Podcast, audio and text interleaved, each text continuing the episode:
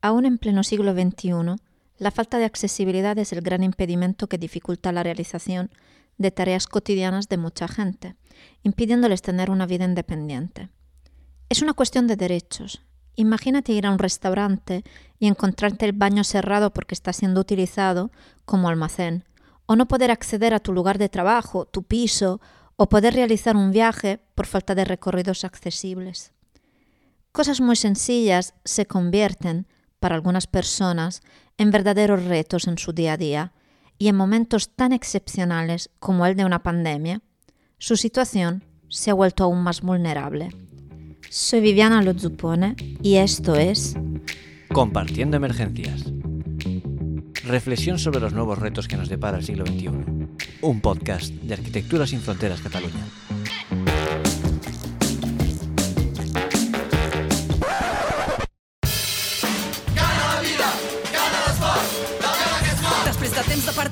Fer més pla aquest camí neix la veu d'aquest cor.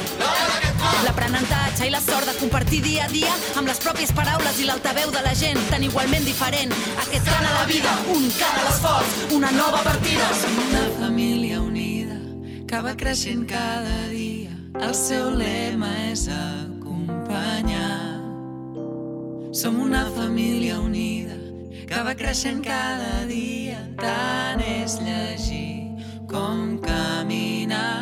Que que és descobrir que ho podem aconseguir. Ben alt, volem cridar, podem cridar. En trobades i sortides, Estamos escuchando Canta la vida, cantada por el coro de la Escuela de Ampans, un centro educativo que atiende estudiantes con necesidades especiales, ayudándoles en la autonomía personal, social y laboral. A pesar de los grandes avances en materia de accesibilidad, hoy en día siguen habiendo grandes carencias en su aplicación.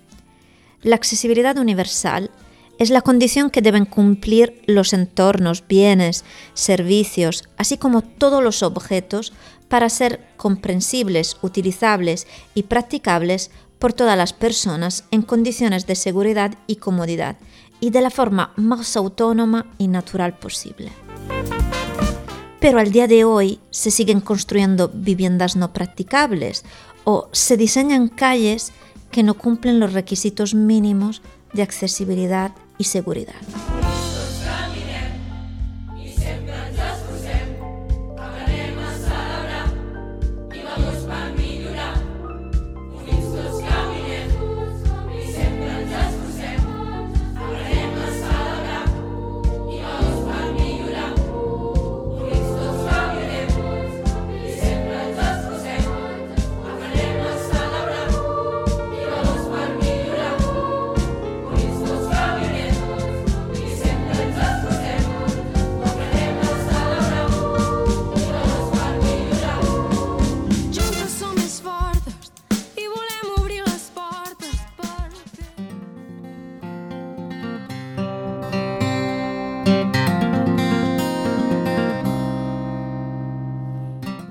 Profundizar sobre el tema, hoy hablaremos con Marc Alice de Duchenne Parent Project, asociación enfocada a la diversidad funcional física y concretamente en la distrofia muscular de Duchenne y Becker, y con Ana Martínez y Victorio Latasa de Plena Inclusión, una organización que representa a las personas con diversidad intelectual o del desarrollo.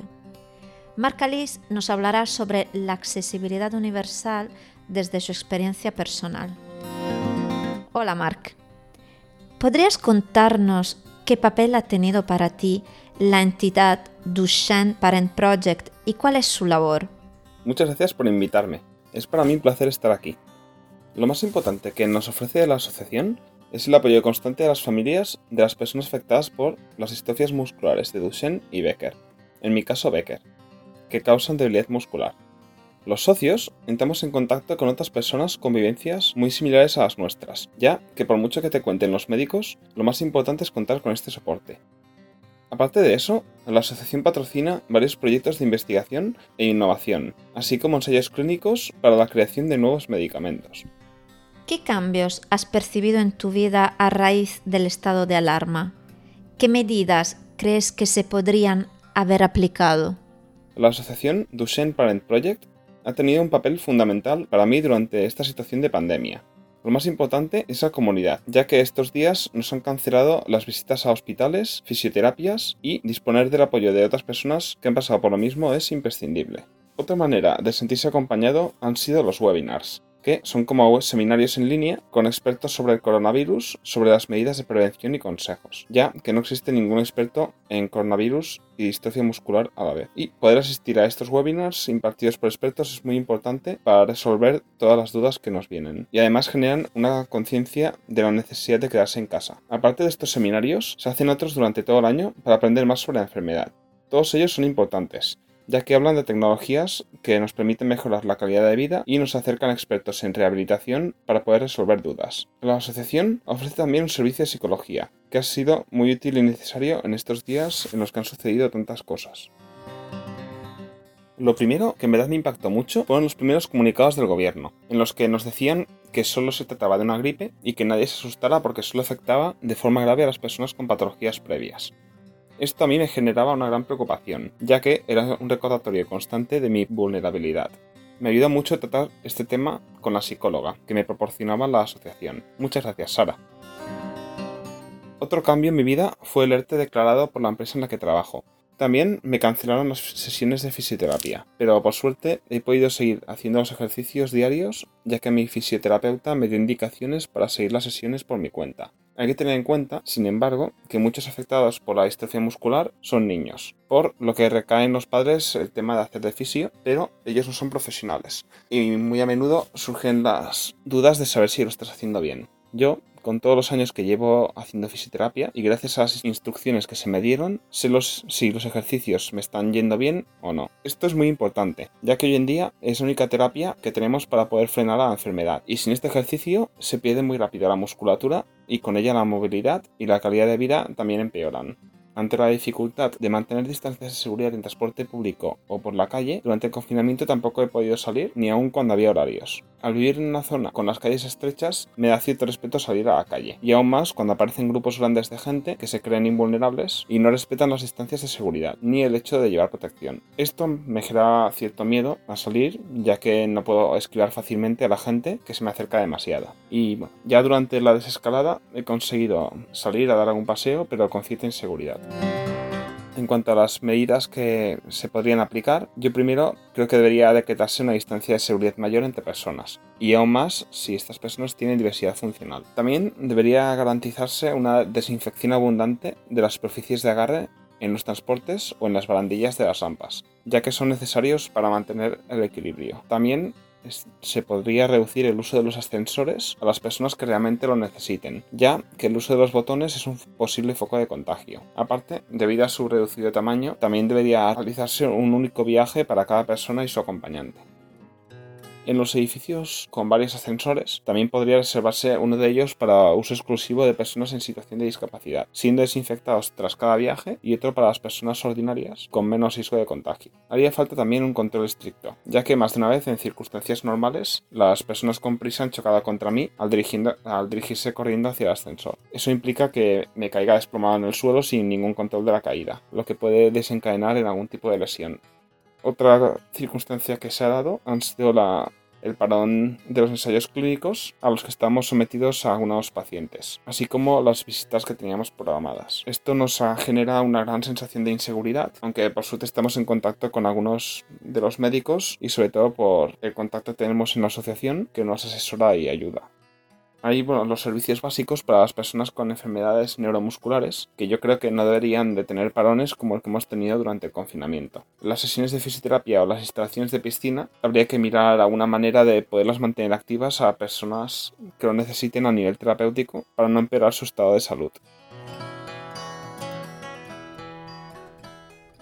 Antes de entrevistar a los siguientes invitados, nos gustaría subrayar el término persona con diversidad funcional que ya hemos utilizado a menudo a lo largo de este podcast.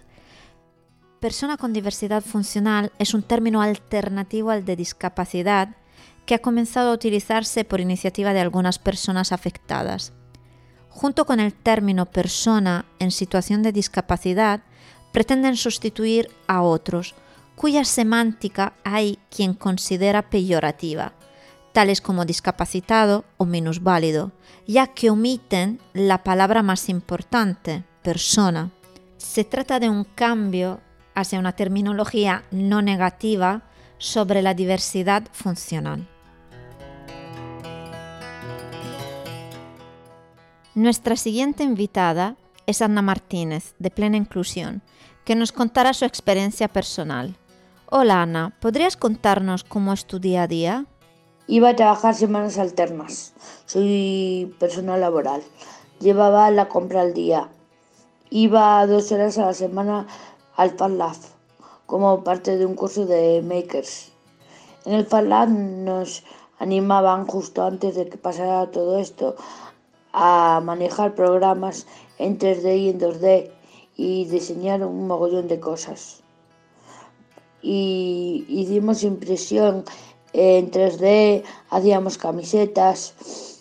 Con el tiempo pues echaba mucho de menos. ¿Qué cambios en tu vida cotidiana ha supuesto la pandemia? El último día del FALAC, como yo vivo sola, para organizarme me ayudaron a confeccionar la lista de la compra de cosas no perecederas. Priorizamos la compra de alimentos para poder cocinar. Iba a clase de inglés, pero no lo pude seguir porque me enviaban ejercicios para imprimir y lo dejé porque no lo entendía. El profesor mandaba ejercicios y, no los explicaba. Y encima no tenía ni escáner para enviar. Estaba metida en casa. organizándome al principio me costó un poco. Tenía la rutina de levantarme a las 8 de la mañana, limpiar y organizar, ver qué me faltaba para la lista de compra para salir lo mínimo posible y organizar los menús para la cocina. No sabía si irme a mi pueblo por no saber si empezábamos a trabajar o no. Me estresaba mucho el ir a comprar porque no había medidas con la distancia de seguridad. En algunos supermercados te tenías, te tenías que poner guantes que te daban allí. No podías ir con los guantes de, tu calle. Mucha gente anda, andaba sin mascarilla y les dejaban entrar en el supermercado y no les decían nada. Era muy molesto. Fui a comprar y solo podía entrar una persona. Vino uno y se saltó la cola con gente esperando y nos molestó mucho. La panadera tuvo que salir a traernos la compra fuera y el otro, como le daba igual, pasaba de todo. El primer día que salí me volví para casa, porque solo podía hacer un kilómetro recorrido. Al vivir en el casco antiguo había mucha gente apelotonada, sin mascarilla, en grupos, y la policía pasaba y no decía nada. Me gustó ir al fisio, nos mandó un guion con las medidas de prevención, cómo había que ir, mascarilla, sin guantes, esperar fuera de la consulta y luego las medidas que él utilizó para estar con nosotros. En pleno confinamiento estuve cuatro días en agua caliente porque se me abrió la caldera y me daba miedo avisar al técnico. Pero el cuarto día ya llamé. Él estaba en una estancia de la casa y yo en otra. Y lo dejé trabajando. Al principio le ayudaba a preparar la lista de la compra. Una amiga que tenía coche me traía algunas cosas al hacer la compra. Un día que estaba yo muy mal, mi amiga seguía trabajando, pero pasaba por debajo de mi ventana para, ver, para verme a, través, para saber cómo estaba. Aprendí a vivir sin luz en mi habitación. Se fundió la luz del techo y no se podía cambiar. No fue tanto impedimento. Prefería no tener luz, pero estar en contacto con mis amigos o, hacer, o acceder a Internet. Sí que me parecía importante. Una amiga mía cocinaba y me enviaba vídeos de cómo hacer la comida para paso a paso para ir aprendiendo. En plena inclusión estamos haciendo unos cursos de información y charlas online. También teníamos Radio Cof, que es un programa que hacía con mis amigos en pleno confinamiento de radio de 7 a 8. Y para mí era como un desconectar y nos gustaba mucho. Tres que eran fáciles de entender las medidas del gobierno. El gobierno, un caos. No, no entiendo. No entiendo. yo le preguntaba a mis amigos que me fueran guiando un poco. En plena inclusión nos iban explicando las cosas paso a paso, de modo comprensible. En Cuenca no sabían ni si había brotes. Las mascarillas que sí, después que no. Hicieron un reparto de mascarillas a las casas y no llegaron a todo el mundo. La gente la robaba de los buzones. Que si protegen, que si estas protegen mejor, que estas protegen no sé cuánto, en fin, un caos. En el trabajo tampoco sabíamos hasta hace poco cuándo íbamos a volver a trabajar o cuándo no.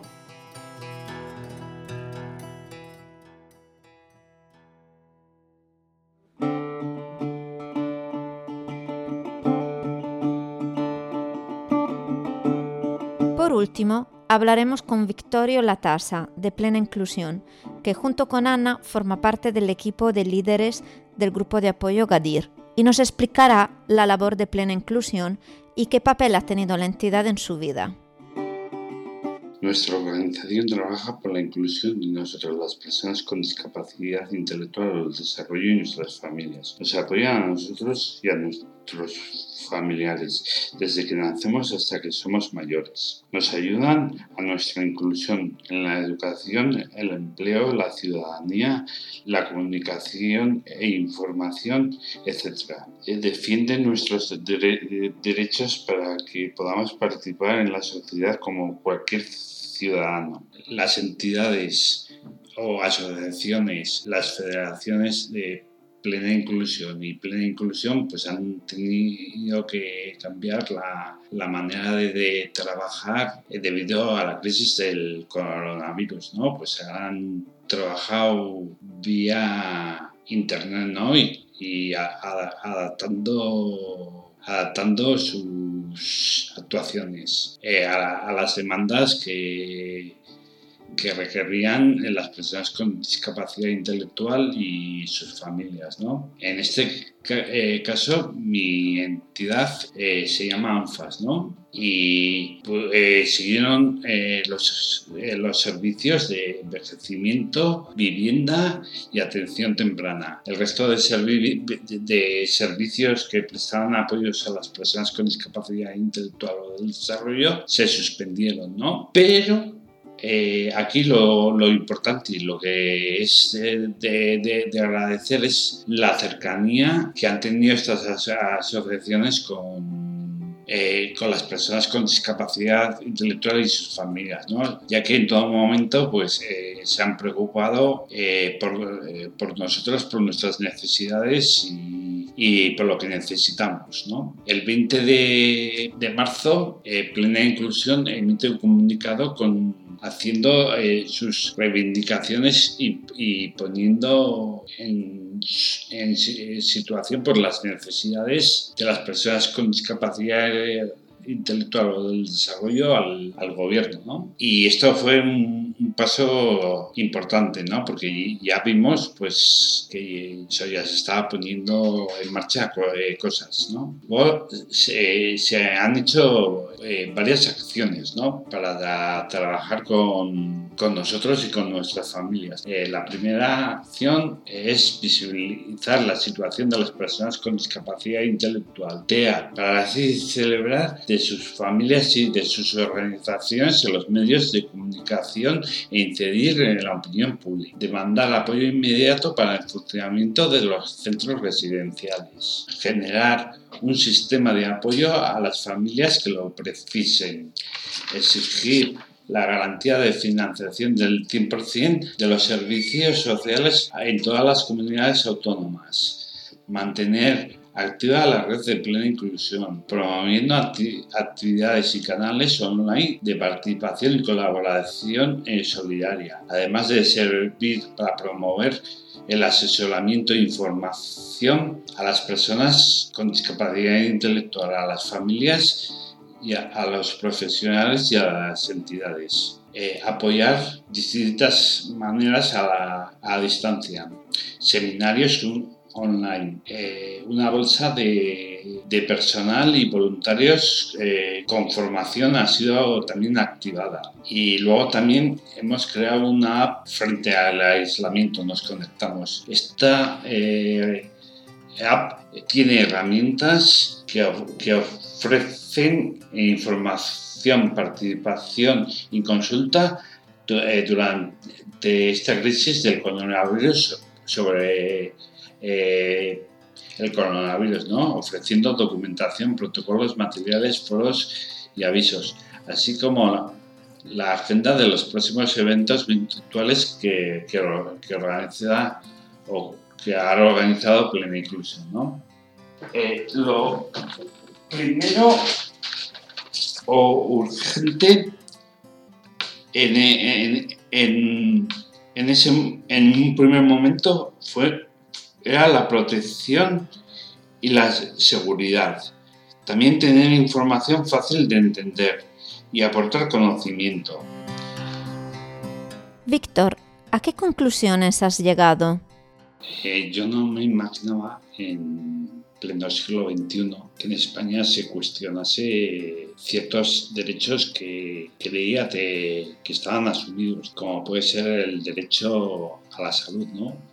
O el derecho que a una persona con discapacidad intelectual o del desarrollo o a un anciano eh, se le niegue eh, una cama en un hospital, ¿no? O por ejemplo que la educación pues en España todavía no sea inclusiva, ¿no? Y esto ha sido acrecentado porque al hacer las clases online o enviar las tareas, pues las personas con discapacidad intelectual o del desarrollo, pues no han podido disponer de sus apoyos. E incluso pues las con personas con discapacidad con grandes necesidades de apoyo pues aún menos entonces no han podido seguir el, el ritmo de, de los demás otra sombra pues que todavía el mundo en el que vivimos o, actualmente pues no está preparado para las personas con discapacidad intelectual. Y aquí en esta pandemia hemos tenido múltiples ejemplos que no me quiero extender, pero por ejemplo ya he, dicho dos, la educación y la sanidad, pero también la accesibilidad. No tenemos una accesibilidad universal. Eh, la tecnología que usamos también es difícil de comprender para algunas personas con discapacidad intelectual o del desarrollo? Pues porque no están adaptados los, los manuales a lectura fácil. Entonces, muchos impedimentos eh, veo ¿no? que ha, traído.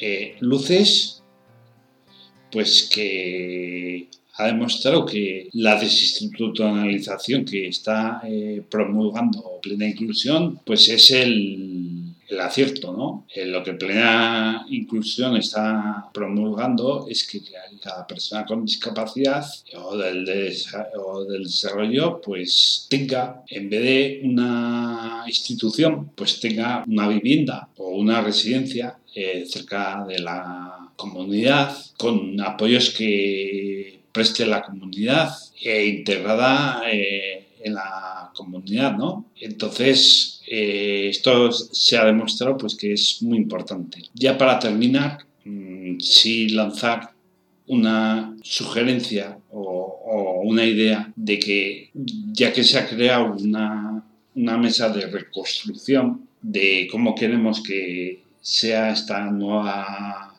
normalidad, pues aquí eh, tenemos que pensar qué sanidad queremos, qué educación queremos, eh, trabajo queremos, eh, qué sociedad queremos, qué ocio queremos. Y esta comisión de reconstrucción creada en el Parlamento español en el Congreso de los Diputados, máxima, digamos, órgano representativo de la ciudadanía. En esta comisión tienen que estar eh, eh, presentes o tienen que ser escuchadas las personas con discapacidad y la, eh, la plataforma del tercer sector, porque son las únicas organizaciones que en esta crisis y en, y en, este tipo de desigualdades nos garantizan que debido a su acción se intenta cumplir los, los derechos, ¿no? Los derechos reconocidos en la Constitución española y por la Convención de Naciones Unidas. E incluso, como lo han demostrado eh, socialmente, quien ha sacado o quien está sacando de esta crisis dura momentáneamente ha sido el tercer sector. Entonces, se ha tenido en cuenta para formar esta, eh, esta nueva sociedad ¿no? Eh, que queremos, esta refundación. se ha tenido en cuenta sus ideas y sus, eso, que las tiene muchas. Y, ahí está por eh, vistas y demostradas.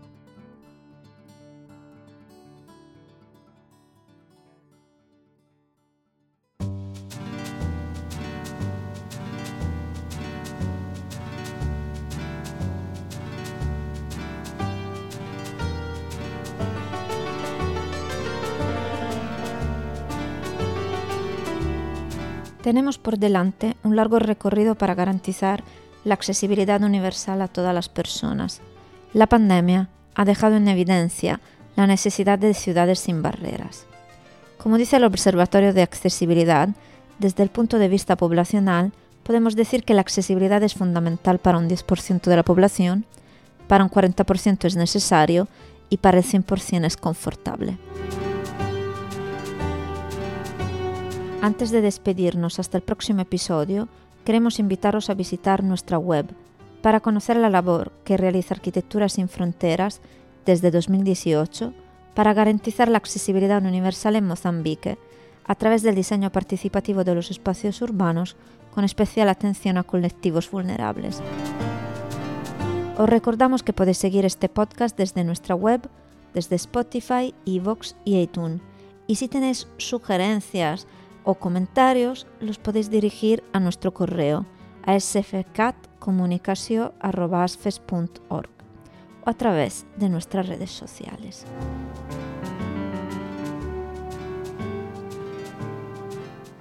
Este episodio ha sido posible gracias al voluntariado de Arquitectura sin Fronteras Cataluña y a la colaboración de Marca Liz, Ana Martínez y Victorio Latasa, junto con el coro de Ampans.